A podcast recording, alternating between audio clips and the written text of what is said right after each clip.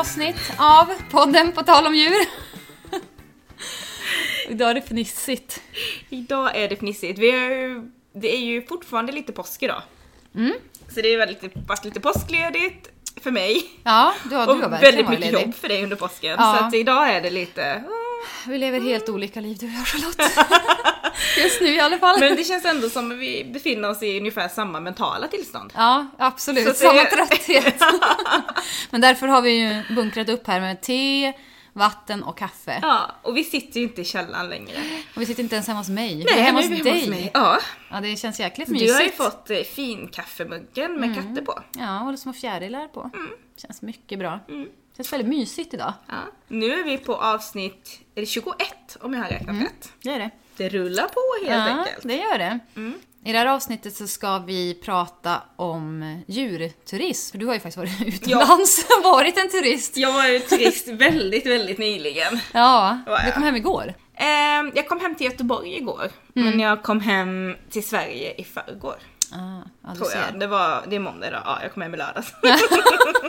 Lite jetlaggad eller? mitt eh, mitt eh, mentala är fortfarande på semester verkar det Ja, som. gud, jag är fortfarande i, Ja, i vad huvudet, säger man så? Nej. Ja, du förstår. Man kan väl vara Mm. det, tänker jag.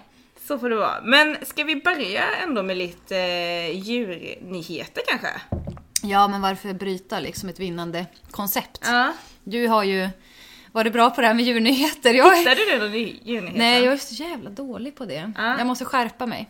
Jag har några i lite olika kategorier här. Mm. Tänk att vi kanske kan börja med en liten, liten rolig eh, aktuell nyhet sådär liksom. Mm. Som kanske inte handlar om eh, ett specifikt djur utan mer om någonting som finns på ett djur som är väldigt så här i ropet nu under påsk. Något som finns på ett djur. Ja, som är mycket i ropet under påsk. fjädrar! Ja, precis! Ah. Då är det DN som skriver om, eh, alltså DN är ju Stockholms tidning. Mm. Ja, så därför, men ja, vi, de skriver att det är flera Stockholms kommuner som väljer påsk, påskfjädrar. Ja.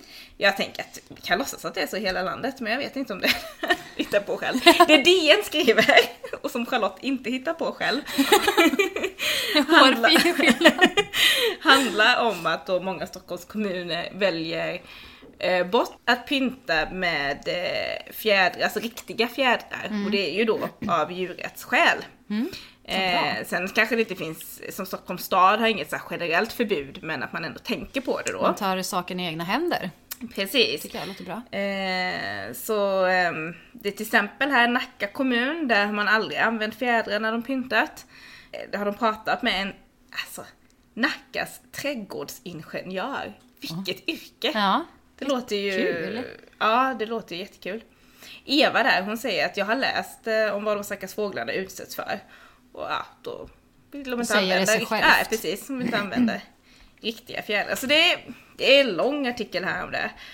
Men ehm, ja, jag tyckte det var lite roligt ändå att man faktiskt tänker på att det, det finns de som tänker aktivt på det. Mm. På djurens rättigheter. Och fast att det är mycket fjädrar och mycket så här under eh, påsk så ja, då väljer man att se djurens bästa. Mm. Jag läste en annan grej på också påsktema som är helt tvärt emot Jaha. enligt mitt tycke. Ja. Att det var en, eh, jag tror det var ett ICA i Örebro som hade levande kycklingar Det läste jag med. mm, i sin butik. Det kändes ju en, ja.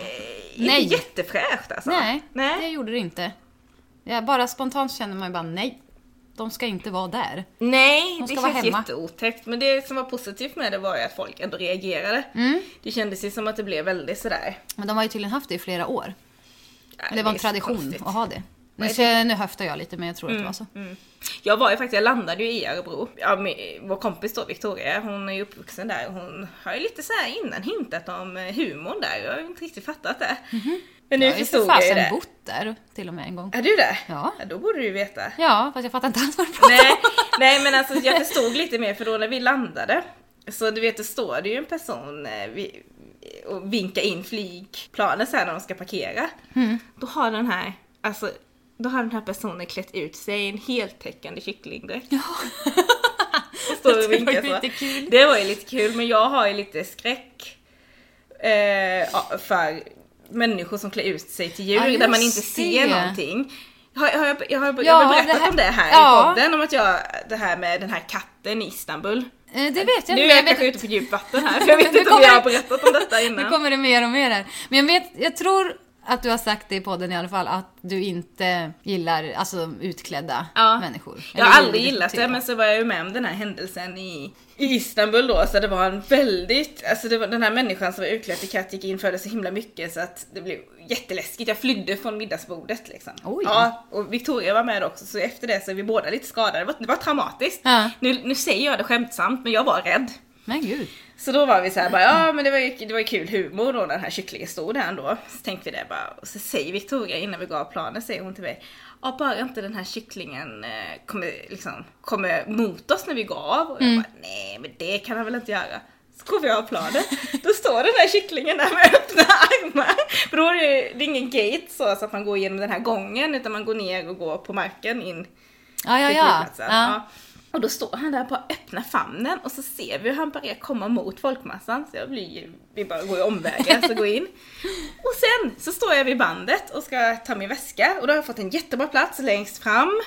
Liksom, ja, känner att jag har koll på läget, ser allt. Då har den här kycklingen satt sig på bagagebandet. Alltså det här är ju jätteroligt ifall man inte är rädd för folk Ja. som klär ut sig. Jag försöker sätta mig in i din situation. Ja, och så då, då liksom istället för att det kommer ut en väska det första det gör när bandet går igång så sitter kommer- den här kycklingen på knä på bagagebandet och skriker glad påsk och börjar kasta godis till folk. Åh jäklar. Eh, så jag flyr ju därifrån, jag tänker väskan får vänta liksom. Mm, Eh, men det här är ju ändå humor, alltså jag kan ju se det från ett utanför perspektiv om man inte är rädd för människor utklädda till djur så är ju det skitroligt. Mm. Men det är ändå rätt speciell humor. Ja, jag vet inte om jag upptäckte den eller upplevde den när jag Nej. bodde i Örebro. Men bodde inte där så himla länge faktiskt. Nej. Så att, eh, ja. Det här var ju min första det var nytt. liksom, mm, eh, vad säger man, mitt första möte Mm. med det. Men ja, Intressant. men hellre då faktiskt, tycker jag också, att människor klär ut sig till kycklingar än att man har levande kycklingar någonstans. Ja, det är sant. Helt klart. Helt. Men jag tyckte det var lite traumatiskt och jag var såhär, äter inte det godiset. Nej. Så vi plockade upp sån här godis vi hade köpt på flygplatsen istället, stod och åt det så i protest. Tänker inte äta den utklädda kycklingens godis. Ja, det var en parentes. Eh, nej men sen har vi den här tråkiga nyheten som kom för några dagar sedan om att den sista eh, nordliga vita noshörningshanen är död. Mm. Det måste du också ha läst Ja, va? den har jag läst. Mm. Men jag läste också, eller om jag hörde det på radion, att de har väl tagit stamceller från den här noshörningen. Mm. Så att på något genetiskt sätt så kan det gå typ att avla på något Ja, sätt. Om men- jag inte fattar fel. Ja, men det är inte så många kvar att Avla på. avla på. Nej. Eh, men det var ju åldersrelaterat, vi ska se här vad Han fick vad ändå bli gammal och liksom... Ja, 45 år.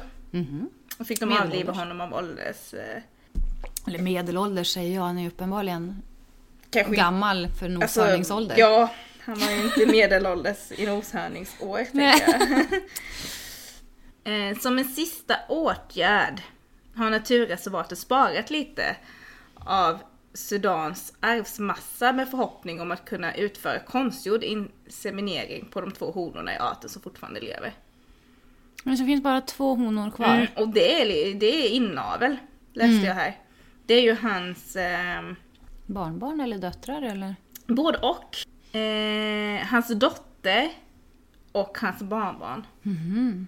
Alla försök misslyckades. Himla tråkigt. Mm. Men att den fick dö av ålder var väl åtminstone bra så att det inte var någon tjuvskytt som eh, var i Precis. farten och tyckte sig ha rätten att... Precis. Så om man Döda. tänker på den här individen så Mm. fick, fick han ju faktiskt ändå bli gammal och sådär. Ja, men för rasen så var det ju inte så jäkla Nej, bra. det är jättetråkigt såklart.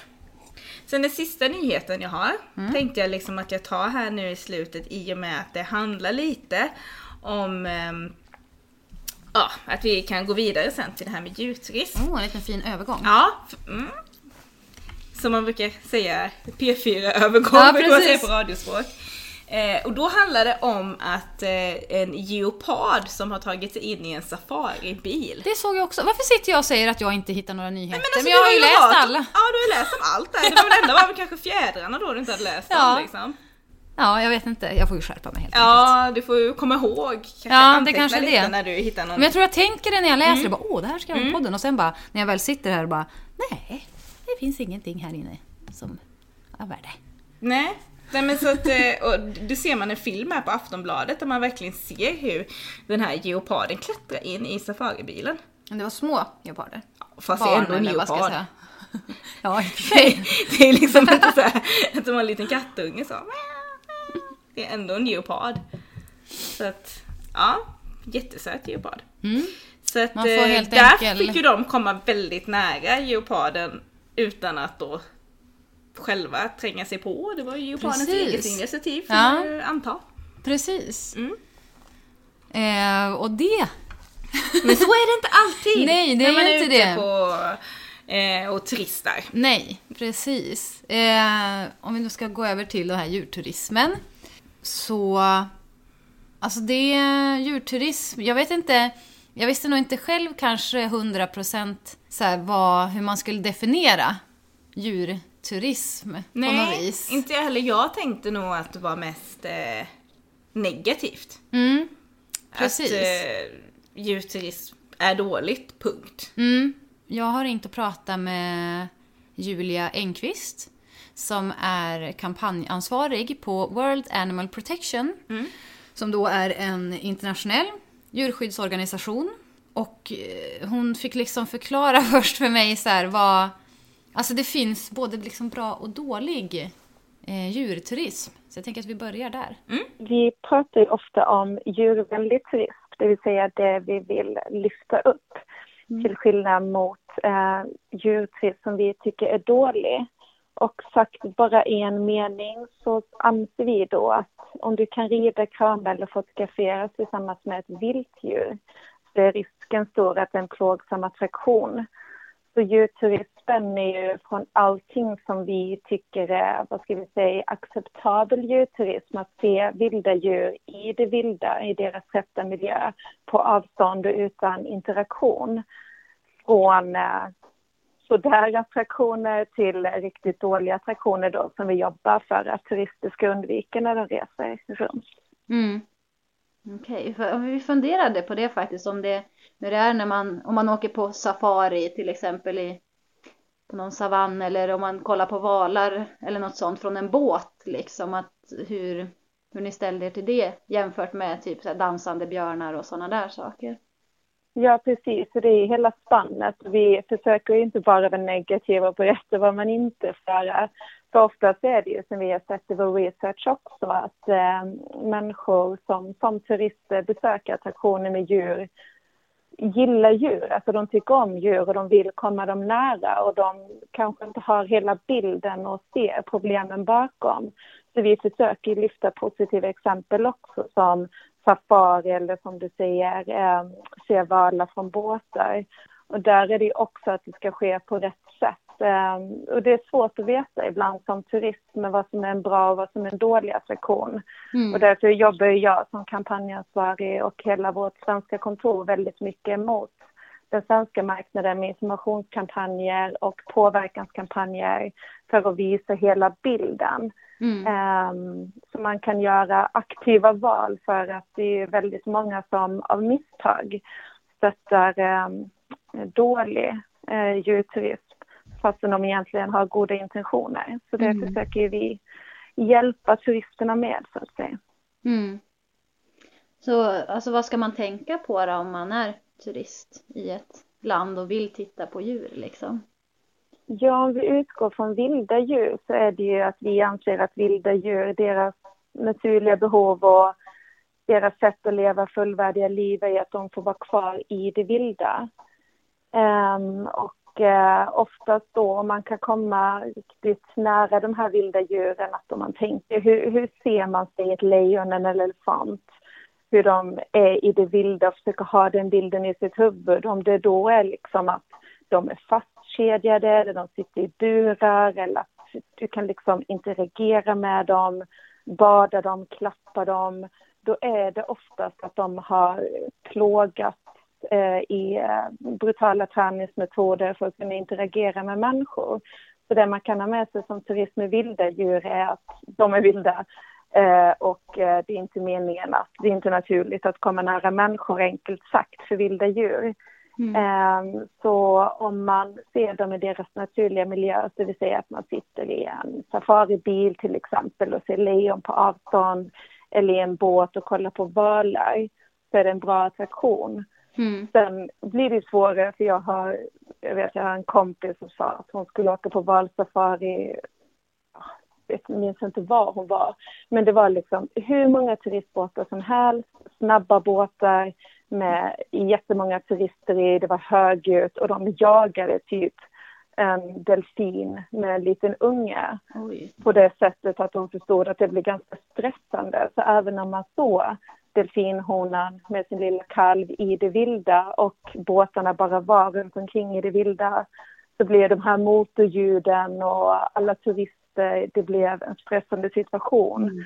Så det är väldigt svårt att säga, men eh, generellt att försöka tänka hur, hur ser jag djuren i det vilda och om det då är något, det blir uppenbart när man ser en uppklädd elefant som är fastkedjad och blir slagen. Mm. Eh, det är enklare då, men eh, och man kan alltid höra av sig till oss och man kan alltid fråga på plats. Det uppmuntrar vi ofta till att eh, som medveten turist att höra av sig och fråga när det är så här mitt emellan och man är osäker så har ju vi kontor över hela världen i 15 olika länder så kan vi mm. ofta svara på frågor på de olika ställena.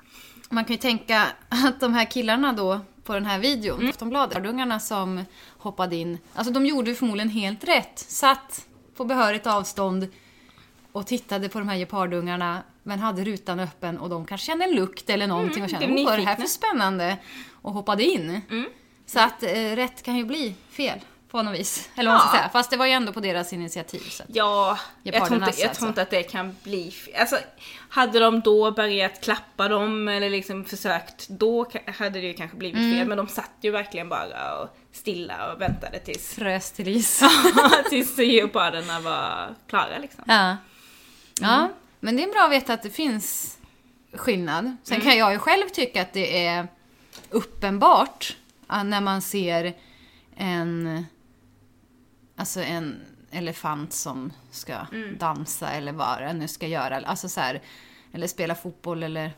Alltså så här, att det känns, att det inte stämmer. Mm. Liksom. Men samtidigt, alltså när man var liten gick man ju på cirkus och tyckte det ja. var jättekul. Så att man, så här, i och för sig var jag ett barn då, men det är kanske alla mognar inte, eller vad ska jag säga. Men, men har du, Eller man inte bara tänker på det. ute och rest, för du har ju rest mycket också, är det någonting som du har stött på? Det behöver inte vara aktivt, men att man har sett på håll eller sådär som du har reagerat över, att det här kan ju inte vara bra för djuren. Eh, alltså inte direkt alltså så i turistsyfte, tror jag inte. Du är ju turist när du är, ja du menar Alltså att jag har sett ett djur som används typ, i turistsyfte. Mm. Jag tror inte det i alla fall, inte vad jag kan komma på. Jag vet inte. ja, jag kan ju ha två grejer. Ja. Det ena är när jag var i Indien och vi skulle gå upp till ett tempel. Alltså det var inte långt. Men då är det, var det ju så här, eh, feta lata turister som red på elefanter upp. Ja. För det gjorde man för, ja, för för länge, länge, länge sedan. Ja. Den här eh, personen som bodde i det här palatset också då för länge, länge sedan hade ju också, var det sju eller åtta fruar? Så jag menar allting var inte bättre förr. Mm. Typ. Så man ja. hade liksom i små olika fängelser så för att hålla koll på dem. Mm. Lyxiga fängelser men ändå oh, liksom. Ja, så att det... jag känner liksom att ja, allt behöver kanske inte vara autentiskt när man är och besöker sådana platser. Nej. Och andra grejen jag tänkte på var när jag var i Grand Canyon. Då, alltså, jag är ju kanske ingen så här jättehajkande person så vi gick inte ner jättelångt. Men då var det också så här liksom, ja men ofta då säkert feta turister, säger mina fördomar, som inte orkar gå själva, som mm. red på åsnor ner. Nej. Och man tänker då också säkert att det är ju inte liksom en, eh, en normalviktig tioåring som Nej. sitter på den här åsnan. Det är en betydligt större vuxen människa. Ja, det var det jag såg i alla fall. Mm. Tjocka människor. Jag, mm. jag gillar egentligen inte ordet tjock. Men eh, i det här sammanhanget så tycker jag det passar. Ja. Väldigt stora feta turister. Ja det, nej. Nej. Ja, fan, jag vet inte nej om jag det har jag sett. Ja. Sen har jag varit på någon så här lite mindre bra djurpark utomlands också. Mm. Eh, som jag liksom inte visste att det skulle vara dåligt innan jag gick dit. Och så Mm. kändes det lite burigt liksom. Nu mår jag dåligt, jättedåligt. Man har ju sett annonser däremot på eh, kom och klappa tigrar, kom och bada med delfiner, kom och ja men du vet rida kamel och alltså sånt där har man sett men jag har aldrig varit intresserad av att Nej, klappa tigrar. nej. Eller liksom, jag tycker det känns konstigt. Ja, nej, jag har heller Liksom. aldrig varit intresserad av det utan det här har ju varit när jag, jag har varit där för att upptäcka på andra sätt och samma Mm. sätt då att det är andra som rider på elefanter eller Mm. åsnor och så. Sen eh, pratade ju eh, Julia om just det här med vilda djur och visst en åsna är ju inte vild, den är ju är Domesticerade Ja, djur. precis. Men det känns ju ändå sådär med 150 till 200 kilo människa på ryggen. Alltså det känns inte bra för en åsna. Jag sa de var stora Peter, det här var inte en... Jag tror inte det är bra för någon. Nej. Ja, men, många amerikaner har problem med fetma. Vi, nej, vi, vi lämnar det där. Men det var, det var Ja. synd om åsnorna, jag tycker mycket synd om Ja. de här åsnorna. Nej men när du var, och jag var ju och turistade när du var, när du pratade med Julia. Ja. Och där såg jag också så här bara delfinturer och sådana saker. Mm. Och det var intressant att höra Julia prata om det, att det kan vara bra men det kan också vara dåligt Mm. beroende på hur de gör. För det, det funderade vi lite på där, att eh, är det, alltså det kändes ju som att det var åt det bättre hållet men det kan säkert missbrukas också. Så det tyckte jag var intressant att hon ja, tog upp. Mm, precis, det är ju himla svårt att veta var gränsen går. Men då är det ju väldigt bra om man verkligen vill veta och känna att man gör rätt. Eh, och ändå vill se djur. Eh, att man kan gå in på deras hemsida eh, och faktiskt kolla. Och man kanske kan ställa en fråga eller hitta information liksom. Men eftersom jag var med och researchade på plats som turist då, Mm, vad pratade Julia mer om? Ja, vi pratade ju också då om eh, alltså de värsta exemplen. Eller alltså den värsta formen av djurturism. För att även om eh, alltså de har ju arbetat jättehårt med till exempel det här med dansbjörnar och sånt. Så, eh, vilket de har ju liksom mer eller mindre utrotat. Men det har ju liksom funnits och det finns fortfarande väldigt alltså hemska former av djurturism. Jag var på en elefantshow i Thailand. Um, och där var det elefanter som, de målade tavlor, de spelade fotboll, de spelade basket. Uh, de tog upp människor från publiken som fick luka under elefanterna och så skulle de trippa över. Alltså det är ju, de är ju tränade. Bara den här bilden igen om man tänker en elefant i det vilda, de lever i flockar, honorna och går hur många mil som helst om dagen och eh, ut i det vilda och käkar mat. Så det är ju, jag satt ju där och tänkte att detta är ju så onaturligt det kan bli. Det var så här jättehög musik, jättemånga människor på arenan, det var så här hysterisk stämning. Ehm, och, och de var utklädda, alltså det blir så här, jag tycker inte det har ett underhållningssyfte, det är ju inte så jag vill se en elefant. Och den, det jag vet som jag tycker är så otroligt plågsamt är just den skillnaden mot hur en elefant skulle leva i det vilda och det liv de har nu. Um, och eh, just det här att vi vet inte hur de har kommit dit. Har de tagits från det vilda? Har de tagits när de var väldigt små och blivit separerade från sin mamma? Blir mamman dödad i kuppen när den här elefantungen togs in? Och just att få vilda djur att uppträda på det här sättet. Det går bara att göra genom en otroligt plågsam nedbrytningsprocess där det är misshandel, där de svälter elefanterna, eh, isolering. Um, så det är en av de absolut värsta och det som du pratade om också med tigrar som man blir fotograferad tillsammans med det är ju de lever sina liv i burar um, och tvingas interagera med människor och också gått igenom den här nedbrytningsprocessen där de misshandlas och plågas på massa olika sätt. Mm. Um, och också hur de dansbjörnar, um, kampbjörnar, det vill säga när en björn eh, hålls fastkedjad och sen så får den slåss mot kamptränade hundar. Det är otroligt blodigt och Mm. plågsamt. Eh, nu är inte det så vanligt, det förekommer bara i vissa länder. Ehm, och eh, sen är det också den här biten som vi kom in lite på med souvenirer och illegal handel och djur som dödas för att bli smycken eller exotiska husdjur och ja, nej men djur i fångenskap där de misshandlas, plågas, hålls i burar och inte får utlopp för sina naturliga beteenden. Mm. Ehm, Det låter helt fruktansvärt att bara kedja fast en liten björn och så här, tvinga den att dansa. Det känns ju fruktansvärt onaturligt alltså. Ja, det är ju det. Och den processen, alltså det ser ut som den dansar. Men saken är att de har, de har stuckit en eh, ring, en järnring genom nosen som är ett jättekänsligt ställe på björnen. Mm. Som de då binder ett rep till. Och sen så drar de i repet så att det liksom, det gör ju ont i nosen då för att där är det ju ett sår. Så då ställer sig björnen på bakbenen för att undgå den här smärtan i nosen när de drar i repet. Och sen genom att samtidigt slå på baktassarna så lyfter den upp tassen. Så det ser ut som att den dansar men det enda den gör är ju att försöka undvika smärta. Alltså jag blir så fruktansvärt ledsen när jag hör Det det. är så jäkla hemskt. Usch. Och hur kan man tycka att det är roligt att titta på? Jag vet inte. Men det måste ju vara den här okunskapen. Mm, Att man inte vet då att det är smärta den undviker. Mm. Jag vet inte om man kan, man kanske kan vara så naiv. För jag tänkte på det när jag hörde mm, eh, Julia berätta om eh, elefanterna, elefantshowerna. Mm. Jag såg ett YouTube-klipp om det, just när de målade. Mm. Eh, och jag blev ju, fick ju direkt så här, uff, kände att det här kan ju inte vara bra liksom. Mm. Men det var ju folk jag kollade med som då var så här, blev imponerade och tänkte vad häftigt att de kan måla. Mm. Och, och det är ju inte folk som sen går ut och sparkar på hundar på stan liksom. Utan det är ju folk som själva har djur och som är bra djurägare och sådär, djurvänner. Mm. Så där måste det ju handla om någon form av okunskap, att de inte Ja, förstår att de tror att elefanterna är så smarta och tycker det är kul. Nej. Jag vet inte. Nej, men Julia säger ju det tidigare också att det, det handlar ju inte om att man att folk inte gillar djur utan snarare att de gillar djur och vill komma nära djur. Mm. Men kanske då inte har kunskapen och då blir det Mm. fel. Mm. Liksom.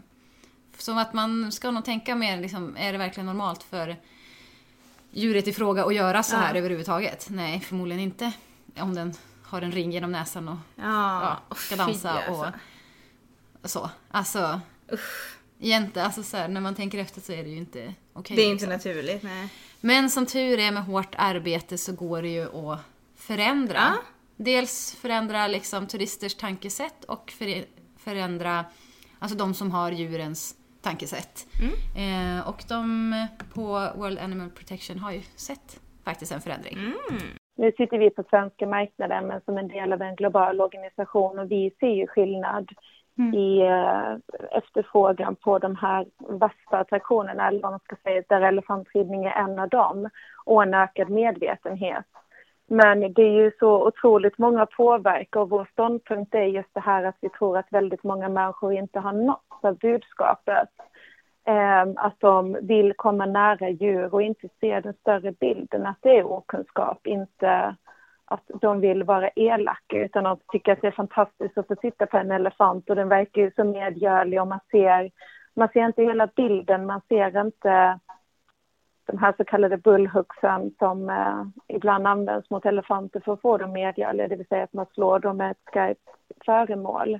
Mm. Utan det man ser är en medgörlig elefant och att man kanske inte ser skadan. Så det är ju, det är ju ett otroligt stort arbete kvar ändå fastän vi, vi tycker i Sverige att vi ser en väldig skillnad eh, i medvetenhet. Så Mm. det är både och, det är både positivt och mycket Ja. kvar att göra. Men det är ändå bra om man märker någon skillnad. Mm, ja men det är uppmuntrande. vi gör någonting rätt. Ja, att det går åt rätt håll. Ja, precis. Men kan man se att så här, djurturismen har förändrats? Att kanske förr så var det mer intressant och ja, inte vet, ja men typ rida på kameler och nu är det mer att folk väljer att göra på ett annat sätt för att komma nära djur. Ja, det skulle jag säga. Om man tänker bara på vi som organisation. Eh, när vi började så var det ju till exempel tillåtet med dansbjörnar i Grekland. Och det är ju helt borta nu och nu har vi ju räddat de sista dansbjörnarna från Nepal också. Så det sprider sig att vi har, vi, ibland jobbar vi landfokuserat och där vi tycker problemen är som värst eller plågeriet är som värst och till slut försvinner efterfrågan och då kan vi jobba med turisterna och liksom det de måste efterfrågar och de som erbjuder de här attraktionerna och eh, myndigheter också på bred front för att få ett stopp på det här. Så det ändras ju men väldigt många av de här sakerna tar ju tyvärr väldigt lång tid. Ehm, men om man ser tillbaks på många år så är det ju saker som eh, man tyckte var okej innan som inte alls är okej nu. Och dansbjörnar är ett otroligt djurplågeri och där försöker vi ju få stopp på det globalt. Ehm, och har lyckats i väldigt många länder. Så där är det helt försvunnet nu. Så jag ska säga det tar tid. Men vi märker ju, vi tycker att vi märker en skillnad ja. På vissa platser och i vissa länder.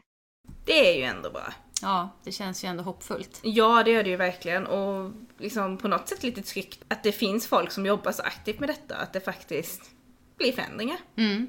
Precis. Ja, det känns väldigt bra. Ska jag köra lite rapport från vad jag... jag kände så här bara, "Ah, Petra har gjort hela intervjun, vad gjorde jag? Jo, jag var på Gran Canaria och researchade lite, lite djurturism där. Men du hittade ju faktiskt en väldigt bra grej tycker jag. Ja, nej men alltså, eh, vad det gäller lite utflykter och sånt, jag var ju inte på något sånt själv då, men där var det ju, ja men delf- jag nämnde ju det innan, så här, delfinsafari.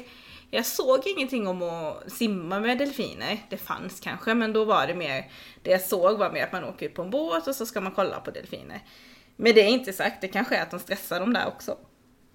Det vet jag inte, men det såg jag. Och sen så har jag sett om kamelridning och sånt. Men det var, så var det någon djurpark och det var delfinshower och lite sånt. Och där var jag inte så det är svårt att veta hur bra den här eh, djurparken var, eller dålig.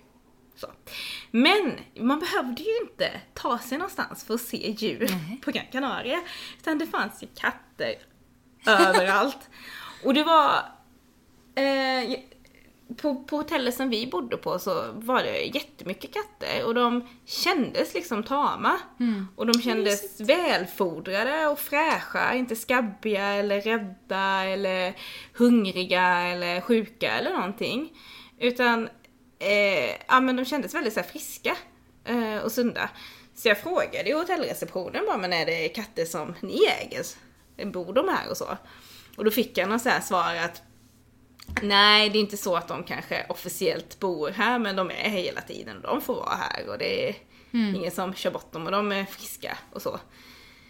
Ehm, så att det var, alltså, och gick man där inne på hotellområdet så kom det en liten katt och så sa man så här Hej kisen, är det där kisen? Och då kommer de emot Ah, vad den och stryker sig runt benen och vill bli kliade Det och... låter som ett drömhotell. Ja, alltså så mysigt och så såg man dem om dagarna så här spatsera runt mellan turisterna där på pool, vid poolen och se om någon hade tappat lite skinka någonstans och låg så och solade, du vet sen när man rullar sig så på ryggen Ja. i solen.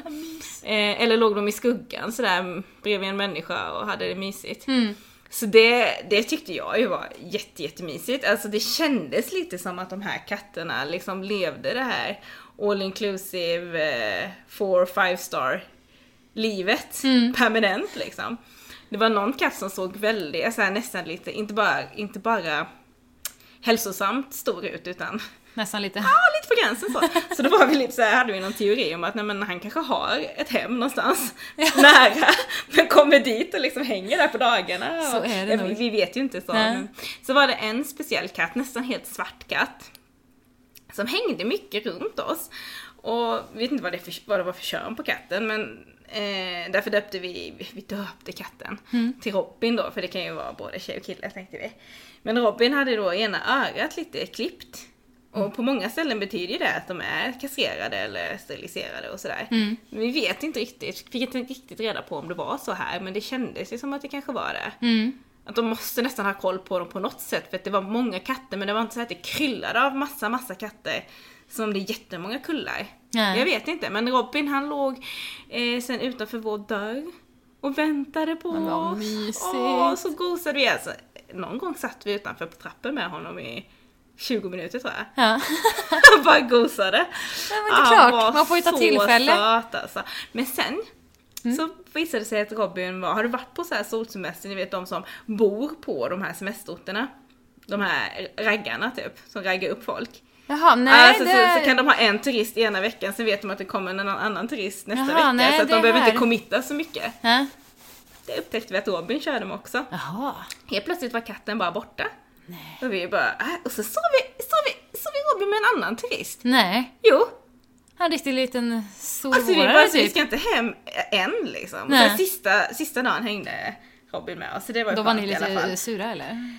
Lite Ja, alltså samtidigt kände vi att ja, vi, vi kommer ju lämna Robin. Det är inte så liksom att någonstans måste ju Robin också tänka på framtiden. Ja. Det var lite med blandade känslor. Men jag, ska jag kan lägga upp ett litet collage med lite kattbilder. ja. Ja. Men det var väl någon typ av eh, kattcafé där också? Ja, det var ett annat hotell som Mm. hade som ett eh, eh, kattcafé. De kallar det för kattcafé och då tänkte jag först att det var ett sätt som finns mycket i Japan, att man kan komma dit och gosa med katter. Men det var liksom ett café för katterna. Mm. Ja. så de ställde ut mat och vatten och så åt dem och såg till att de var vaccinerade och Ja. sånt. Men Så det att- låter ju jättebra. Ja, alltså att vara hemlös katt. Om jag någon gång måste bli det så Gran Canaria känns inte helt Nej. fel. Man kan hänga runt lite på hotellen och jag såg ingen personal någonsin så här slå efter katterna eller schasa iväg dem eller någonting. Nej. Utan de lät dem vara liksom. Men det var härligt. Ja, det var faktiskt mysigt. Det låter som ett bra, bra ställe att vara på som, Ja. om man är en gatukatt liksom. Ja, precis. Men Petra, du har fortfarande inte kommit på någonting djurturismigt sådär? Inte så, men, eh, det finns ju liksom en, ett annat sätt. Om man tänker så här att man ska resa och eh, vill komma nära djur, Mm. så finns det ju ett bra sätt. Eh, och det är ju att åka som volontär. Och det har jag gjort. Det har du gjort ja. Mm, Men det är liksom på en annan flank, eller vad man ska säga. Mm. Ehm, men jag har ju varit till Kina och eh, jobbat som volontär Mm. med pandor. Eh, Oh my god. Ja, de är ju fantastiskt fina. Ja, de är så fina. Så att ehm, det, ja, det... Jag tänkte sen när jag började prata med Julia, så tänkte jag att nej men gud, tänk om jag har gjort något fel nu. Ja. Alltså det kanske inte är en bra djurturism, om det ens räknas, alltså så här hur... För du fick betala för att komma dit eller? Ja, ja, ja. Mm. Gud, ja, precis. Så det är ändå en form av industri liksom. Ja. Även om det är en annan typ av turism så är det ju ändå... Precis, Någon alltså form man jobbar det. ju. Mm. Liksom. Det är inte som att jag betalar och sen sitter jag inne i en hage omgiven av pandor. nej. Liksom. Åh. Det är en... jag vet inte om jag skulle vilja vara det, Nej. för att de är hårdhänta och har svinlånga klor. Ja, ja. Så att, eh, ja, ja, de är fina på håll. Men det är ändå...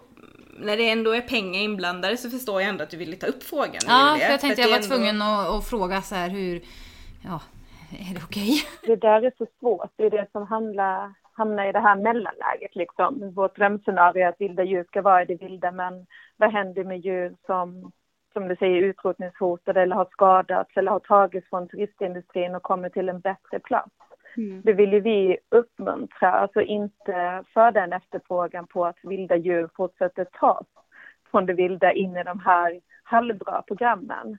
Men om det är djur som är utrotningshotade, om det är bevarandeprojekt eller om man tar djur som har plågats otroligt mycket i, i de här vassa attraktionerna um, så tycker vi det är att vi, vi vill uppmuntra volontärarbete, precis det som du gjorde. Att det är ju ett jättebra sätt att bli, komma nära djuren och göra djurturism på nära håll.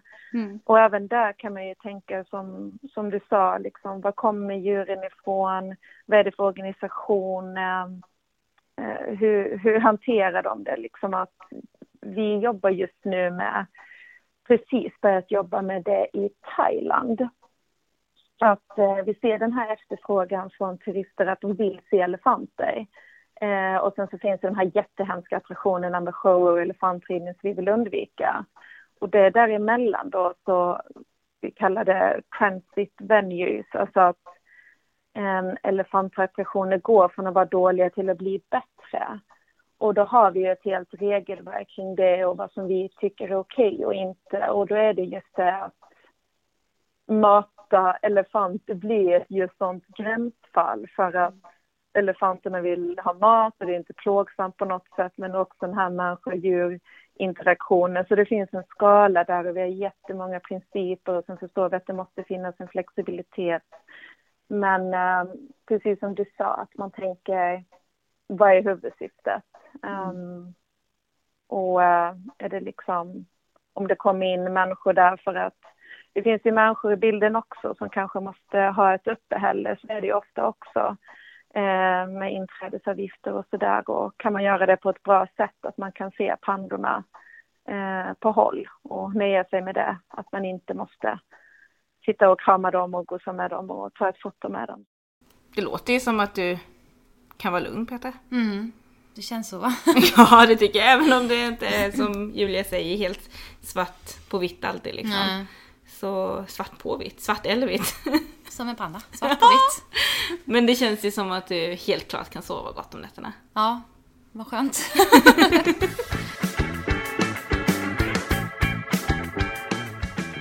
Ja, så veckans djur! Jag vet inte riktigt vad jag ska säga, jag var ju så exalterad om den här slamfisken. Det lät ja. så spännande och allting. Men alltså jag har haft problem att hitta information om den här är det en, slamfisken. Är det en jävligt eh, anonym fisk? Alltså jag en vet hemlig. inte vad som är felet. Sen är det ju så här liksom, alltså jag har ju bara håll, hållit mig till internet. Mm. Eller ja, jag har googlat. Mm. Så att det är inte så att jag har letat upp någon eh, kunnig inom det här och ringt och frågat eller tagit mig till något bibliotek eller... Alltså, du har ju varit på Gran Canaria för att... Precis. Och där finns inte slamfisken. Nej, Nej men alltså det har varit eh, svårt att hitta information. Aha. Just där då, på internet googling. Mm. Alltså, ja, jag har lärt mig att den har många namn. Mm. Eh, på svenska då slamfisk. På engelska så hittade jag först namnet eh, Hinchmouth.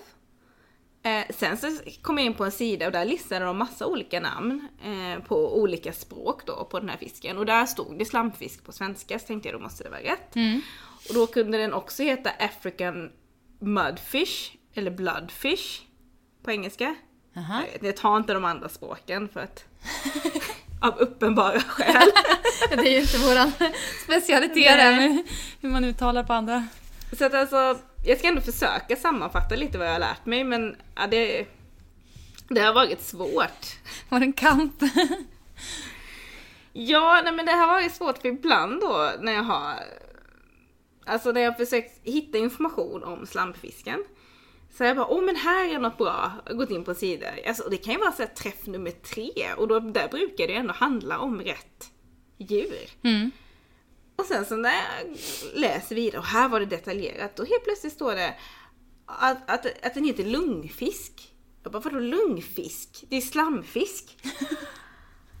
eh, och så har jag kollat liksom, ja men eh, det kan ju, och det har varit både när jag sökt på svenska och engelska och så här liksom. Så jag tänkt på, ja så jag har gått fram och tillbaka så jag kollar på de latinska namnen, för ja men det kanske heter lungfisk också. Men då har jag fått upp två olika latinska namn och ah, det... En röra. Ja, det är en röra. Men eh, det jag har lärt mig är då att den på latin heter någonting såklart jättekonstigt. Um, um, Fractolaimus ansorgi. Alltså det börjar med PH och slutar med två I.